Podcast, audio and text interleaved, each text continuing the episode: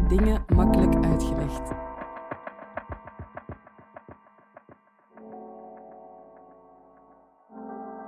Dit is de podcast van Moeilijke dingen makkelijk uitgelegd. Wie de wereld wil verbeteren, moet wel begrijpen hoe die werkt. Daarom laten we in Moeilijke dingen makkelijk uitgelegd een expert 10 minuten aan het woord om een complex onderwerp uit te leggen. Deze keer seksuoloog Wim Slabbink.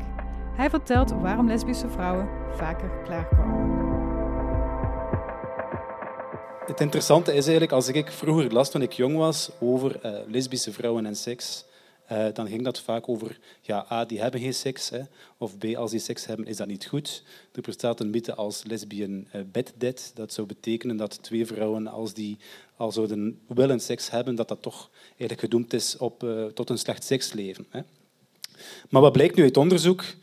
Lesbische vrouwen hebben meer orgasmes dan hetero vrouwen. Dus blijkbaar doen zij iets anders of beters dan hetero vrouwen. Dus dat interesseert me natuurlijk enorm.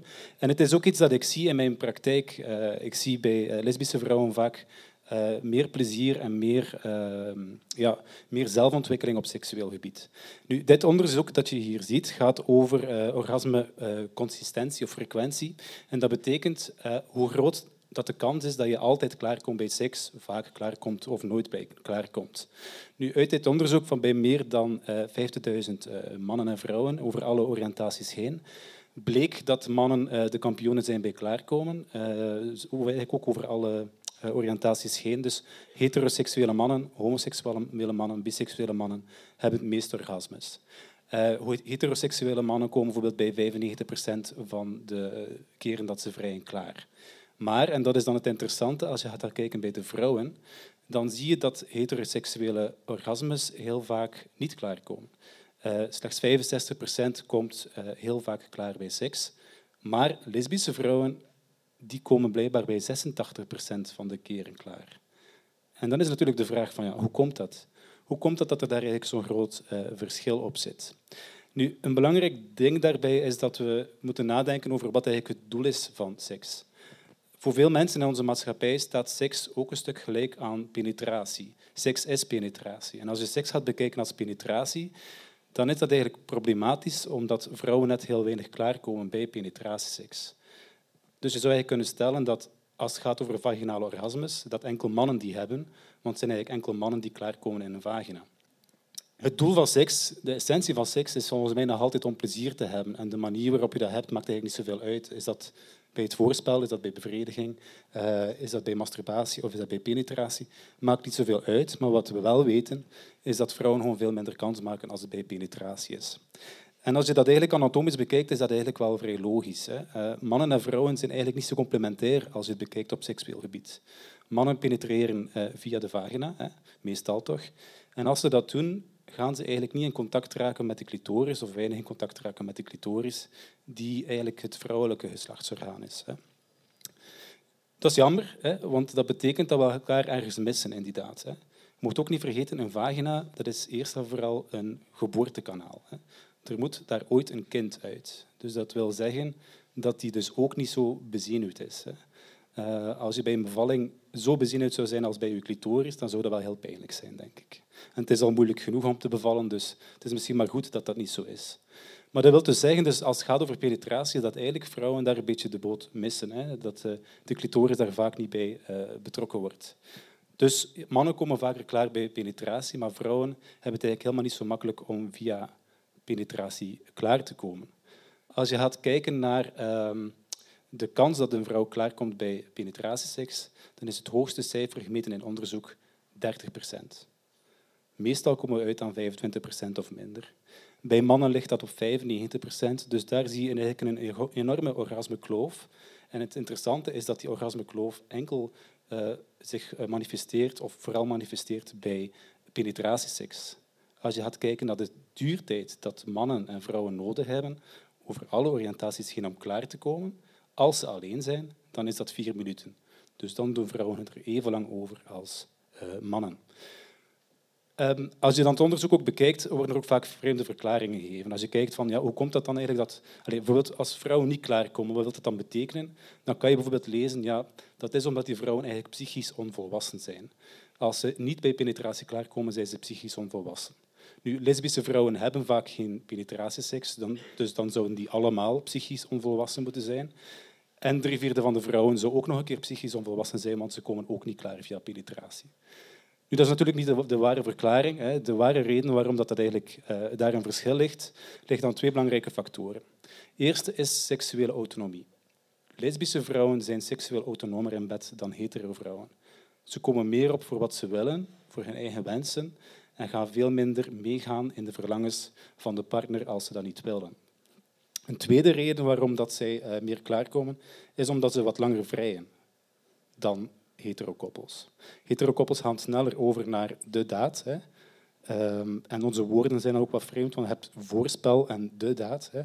Uh, wat een beetje lijkt alsof seks alleen maar geslaagd is als je uiteindelijk bij penetratieseks uitkomt. Dat is natuurlijk niet het geval, want blijkbaar lesbische vrouwen hebben minder penetratieseks, maar hebben meer orgasmes. Hè. Zelf als je gaat kijken naar um, vaginale seks, hebben lesbische vrouwen dat minder dan hetero vrouwen, maar ook daar hebben zij meer orgasmes dan de hetero vrouwen. En dat komt omdat vingers en tongen veel betere minnaars zijn dan penissen. Penissen kunnen geen bochten maken. De mijne toch niet, die gaat enkel rechtdoor. Hè. Eh, die kan soms een klein beetje naar boven of naar beneden bewegen, maar dat that's it. Hè. Een tong is heel mobiel, is versatiel en vingers zijn eigenlijk ook heel goed geschikt om de clitoris of de binnenkant van de clitoris te gaan stimuleren via het vaginaal kanaal. Dus ook bij vaginale seks komen lesbische vrouwen uh, meer klaar. Een uh, derde reden waarom dat vrouwen, uh, lesbische vrouwen meer orgasmes hebben, is wat we noemen intergender empathy. Dat is een heel moeilijke omschrijving om te zeggen een vrouw en een vrouw in bed kennen elkaar beter omdat ze hetzelfde lijf hebben. Hè. Ze kunnen beter aanvoelen van elkaar wat fijn is, omdat ze meer herkenningspunten hebben. Goed, um, nu, al die zaken horen natuurlijk ook bij de orgasmekloof. En je zou wel kunnen zeggen, ja, oké, waarom zijn orgasmes, waarom is dat eigenlijk zo belangrijk bij seks? Dat is een terechte opmerking. Uh, dat hoeft niet altijd belangrijk te zijn. Maar een orgasme is wel iets heel belonend. Als je klaarkomt, krijg je dopamines. Dat wil zeggen dat je eigenlijk een goed gevoel krijgt. En is je kans ook groter dat je seks gaat bekijken als iets dat fijn is en belonend. Ik heb hier vijf belangrijke dingen opgezomd die belangrijk zijn voor mannen en vrouwen om de orgasmekloof te dichten. De eerste is stop met faken. Geldt trouwens voor mannen als vrouwen, want mannen faken ook soms. Die komen ook soms zogezegd klaar, terwijl dat ze niet klaarkomen. Het onderzoek blijkt bijvoorbeeld dat 25% van de mannen wel al eens gefaked heeft. Maar als je faked, wil dat eigenlijk zeggen dat je blijft vasthouden aan het script dat vrouwen moeten klaarkomen bij penetratieseks. Of dat mannen altijd moeten klaarkomen bij penetratieseks. Als je daarmee stopt, maak je veel meer kans voor je eigen beleving om je eigen seksuele autonomie te ontwikkelen. Het tweede belangrijke ding is dat je vragen stelt bij bepaalde zaken die, die we vaak zeggen. Bijvoorbeeld het woord voorspel. Iets dat voor de daad hoort. Op zich is dat iets vreemds. Waarom zou dat eigenlijk voor iets anders moeten zijn? Op zich kan het ook al heel fijn zijn om het te doen. En het is de manier waarop de meeste lesbische vrouwen seks hebben en ook de meeste orgasmes bereiken.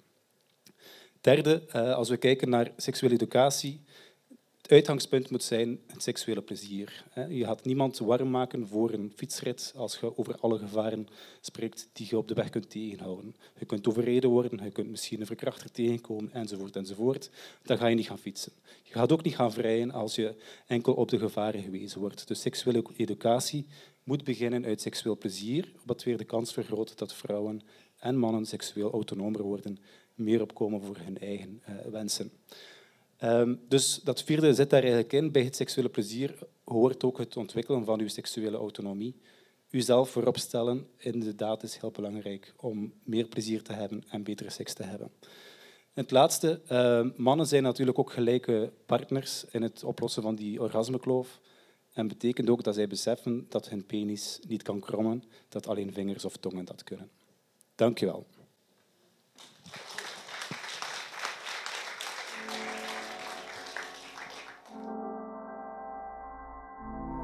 Je luisterde naar Moeilijke Dingen Makkelijk Uitgelegd. Ik ben Selma Fransen en samen met Curieus VZW organiseer ik de evenementenreeks Moeilijke Dingen Makkelijk Uitgelegd. Montage door Jelena Schmitz. Wil je graag reageren of een evenement bijwonen? Kijk dan op de Facebookpagina van Moeilijke Dingen Makkelijk Uitgelegd.